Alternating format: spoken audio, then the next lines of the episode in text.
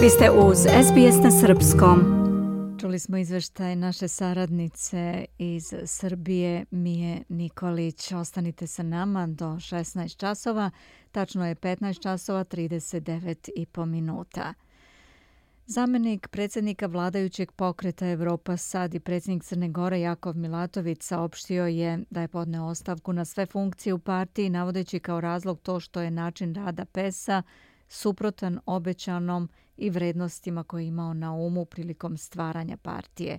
Umeđu vremenu na sednici predsjedništva je konstatovana ostavka, a ministar pravde Crne Gore Andrej Milović isključen iz pokreta Evropa Sad. Za novog člana predstavništva PES-a predložen je ministar energetike i rudarstva Crne Gore Saša Mujović.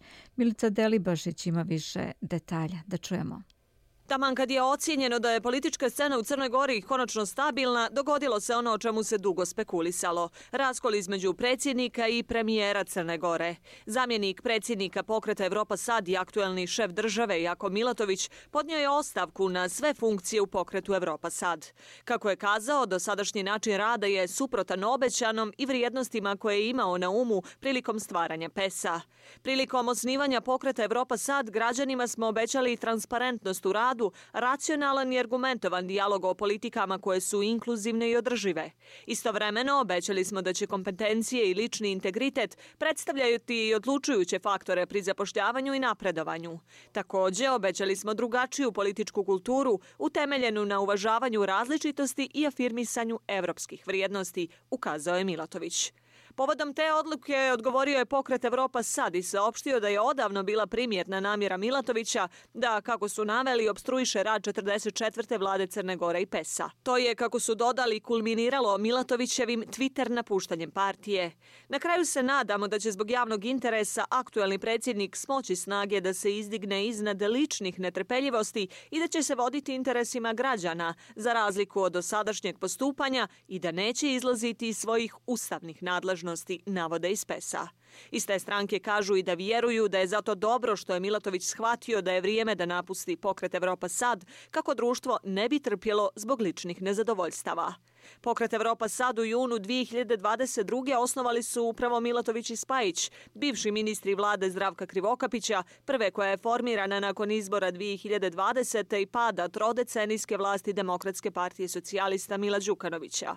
Nakon izglasavanja nepovjerenja toj vladi, osnovali su pokret Evropa sad. Iz najjačeg opozicijonog DPS-a su Milatovićevu ostavku povezali sa njegovim zalaganjem da u vlast uđu snage proruskog demokratskog fronta.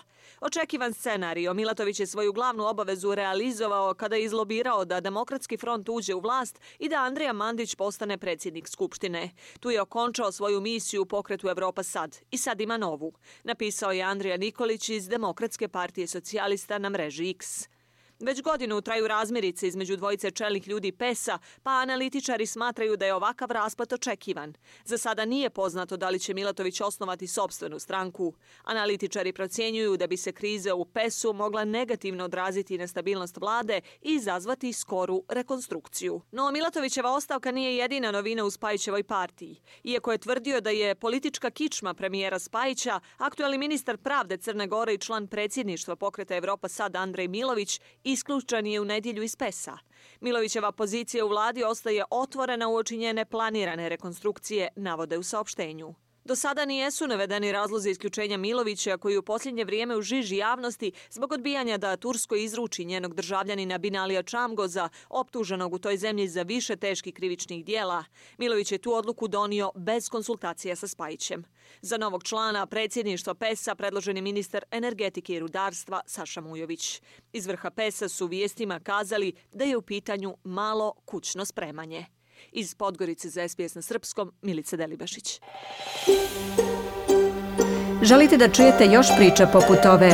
Slušajte nas na Apple Podcast, Google Podcast, Spotify ili odakle god slušate podcast.